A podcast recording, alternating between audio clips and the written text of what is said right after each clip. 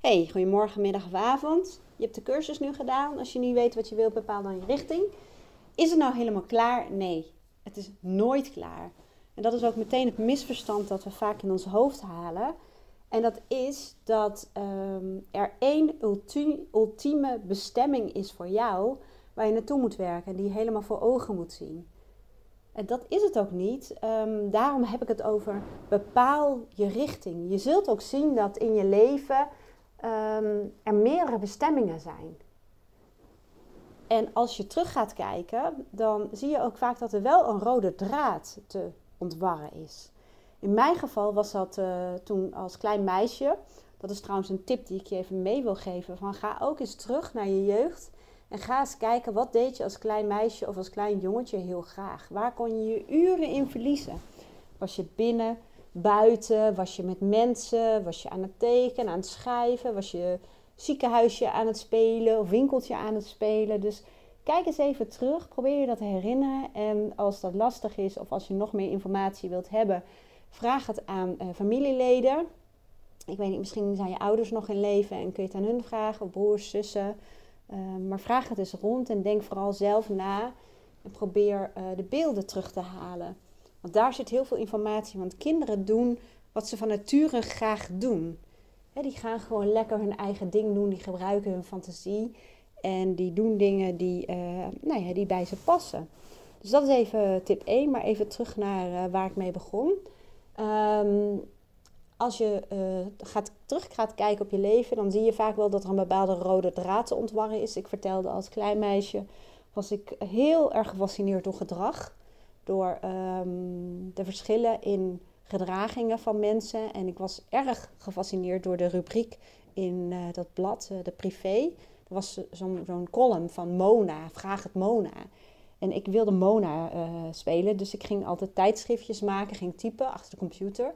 De computer is ook iets wat bij mij wel een rode draad is. Ik zat als heel jong al achter de computer um, nou ja, van alles en nog wat te maken. En ik maakte dus in dit geval later ook tijdschriftjes en die ging ronddelen in de buurt. En daar had ik dan problemen in opgenomen en daar had ik dan antwoord op gegeven en advies gegeven. Ik was ook echt altijd te vinden in de bibliotheek. Um, onderwerpen zoals innovatie, dus hoe ziet de toekomst eruit, um, psychologie, dat fascineerde me. Dus ik moest ook heel vaak de uh, bibliotheekpas van mijn moeder meenemen, omdat het boeken waren die niet voor mijn leeftijd waren. Um, ik, ja, ik, ik had een enorme fantasie, was altijd aan het dromen. En, um, ja, dus er zitten allerlei ingrediënten in die uh, er nu nog steeds zijn. Ik schreef ook heel erg graag. Ik las heel graag en ik schreef heel graag. En ik tekende overigens ook heel graag. Nou moet ik wel zeggen dat die rode draad is niet meer zo goed terug te vinden. Want tekenen doe ik eigenlijk uh, nou ja, bijna nooit meer. Behalve als ik een beetje aan het uh, droedelen ben, weet je wel. Van die idee. Oh, trouwens, ik zeg dat trouwens wel. Maar in mijn coaching maak ik uh, bijna letterlijke aantekeningen. Die geef ik ook wat mee aan de mensen. En dan zul je zien dat die barstjes vol met tekeningetjes staat. Dus misschien dat dat toch wel een rode draad is, uh, realiseer ik me nu. Maar um, nou, je ziet dus dat een rode draad is en dat heel veel dingen op bepaalde uh, gebieden weer terugkomen. Zo ben ik systeembeheerder geweest. Um, dus dat is dan met die computers. En um, ja, als je systeembeheerder bent, dan moet je ook logisch na kunnen denken. En heel veel dingen zijn logisch. En als je het niet volgens dat bepaalde principe doet, dan werkt iets niet. En dat kan op een puntje uh, misgaan. Dus een punt of een komma of een spatie te veel of wat dan ook. Um, ik heb ook websites ontworpen en gemaakt. Nou, vooral gemaakt en gebouwd moet ik zeggen. Kan ik niet zeggen dat ik nou echt een gevoel voor compositie heb, om zo te zeggen. Um, even kijken. Ja, ik heb uh, communicatie uh, gestudeerd. Dus ik heb een communicatie- en marketing uh, achtergrond. En marketing, communicatie ook, hè, want communicatie is heel belangrijk. dat is vaak ook de bron van ergernis en ruis op allerlei gebieden. Maar marketing is eigenlijk ook um, ja, psychologie. En vooral neuromarketing interesseerde mij altijd heel erg. En op een gegeven moment dan ben ik manager geworden. Nou, manager dat heeft natuurlijk in mijn ogen alles te maken met het goede uit de mensen halen en faciliteren. Dat zij gewoon goed kunnen werken, doen waar ze goed in zijn en waar ze uh, plezier in hebben en met plezier het werk komen, om dat te faciliteren. Uh, ik ben ook teamcoach geweest en uh, bij het klasse ben ik ook interne coach geweest. En ehm, ik heb een blog gehad over uh, persoonlijke ontwikkeling. Dat was eigenlijk een soort dagboek, maar mensen gingen dat volgen omdat ze er iets hadden. Zie je weer dat schrijven, weer dat gedrag, weer persoonlijke ontwikkeling, weer computer. Zie je dat?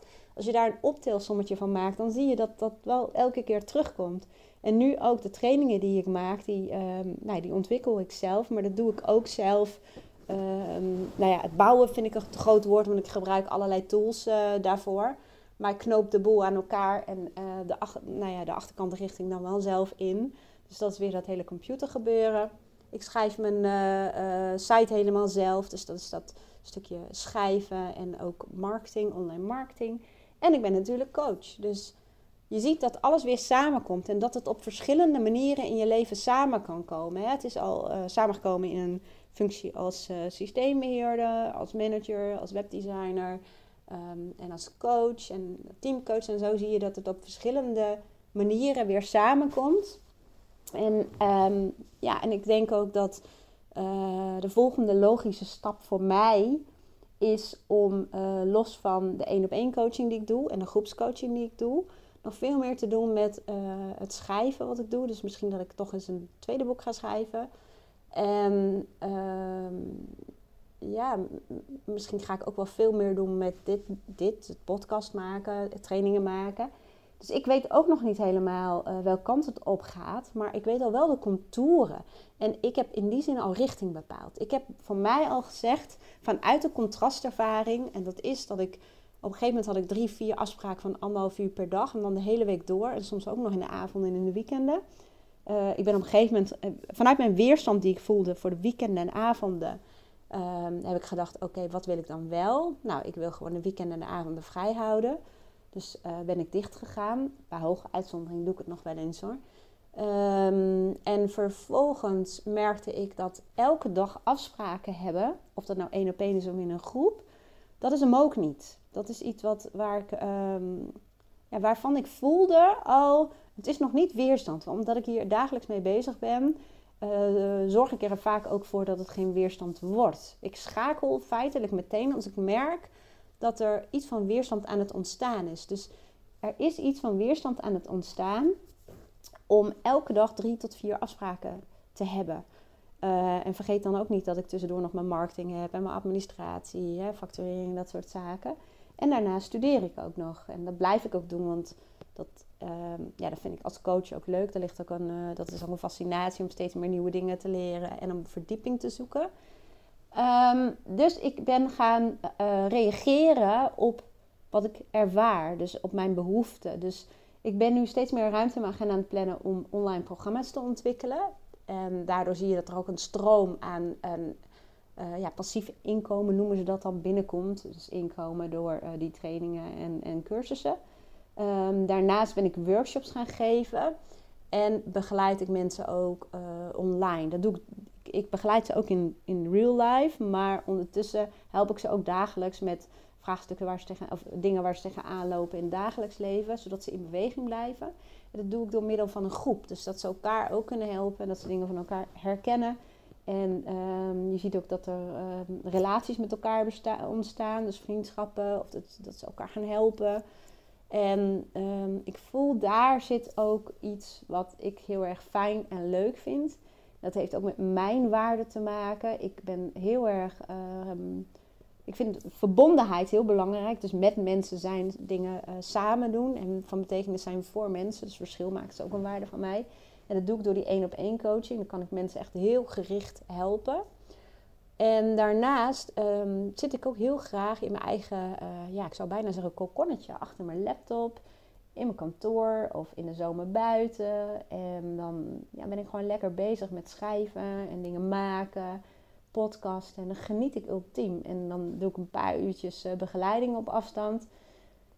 Ja, en daar um, ga ik gewoon meer van doen. Dus ik ga minder doen van hetgeen waar die weerstand al op aan het ontwikkelen is. En ik ga meer doen van waar mijn behoefte ligt. Snap je wat ik bedoel? Dus ik bepaal daarmee richting en ik beweeg me in de richting die ik voel. En elke stap die ik zet zorgt ervoor dat uh, de weg, of de contouren van de weg worden veel scherper. Ik zie steeds zie ik de volgende stap. En ik maak me nog niet druk over de stappen die er allemaal daarna komen. ga ik reageer op de stap die ik voor mij zie verschijnen. En daar eh, ga ik wat mee doen. En als ik die stap heb gezet, dan komt er weer een volgende stap. En zo, als je op een gegeven moment achteruit kijkt, denk je: jee, hoe is dat eigenlijk zo tot stand gekomen? Nu sta ik hier een workshop te geven, of nu ben ik mensen online aan het begeleiden. En dat is omdat het een soort van natuurlijke beweging is, waarbij je elke keer weer ehm, ja, reageert en anticipeert op je ehm, weerstand en op je behoeften. Dus eigenlijk op je contrast en op je behoeften. En dan ontvouwt de weg zich telkens weer. En die weg die zal, uh, zolang jij leeft, ook niet klaar zijn. En dat is ook het leuke ervan.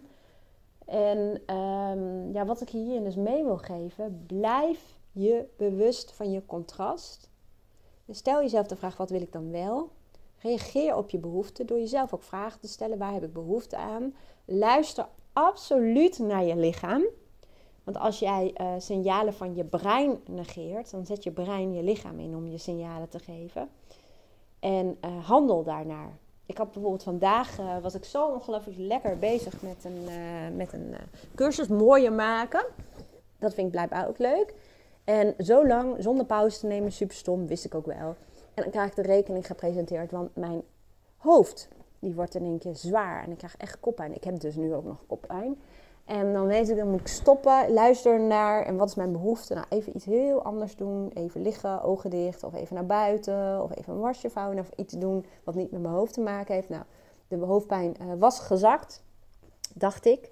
Um, nu komt hij weer op, terwijl ik die podcast aan het opnemen ben. Dus dat is voor mij een signaal dat ik um, nu eventjes moet stoppen met dingen doen waarbij ik mijn brein intensief gebruik.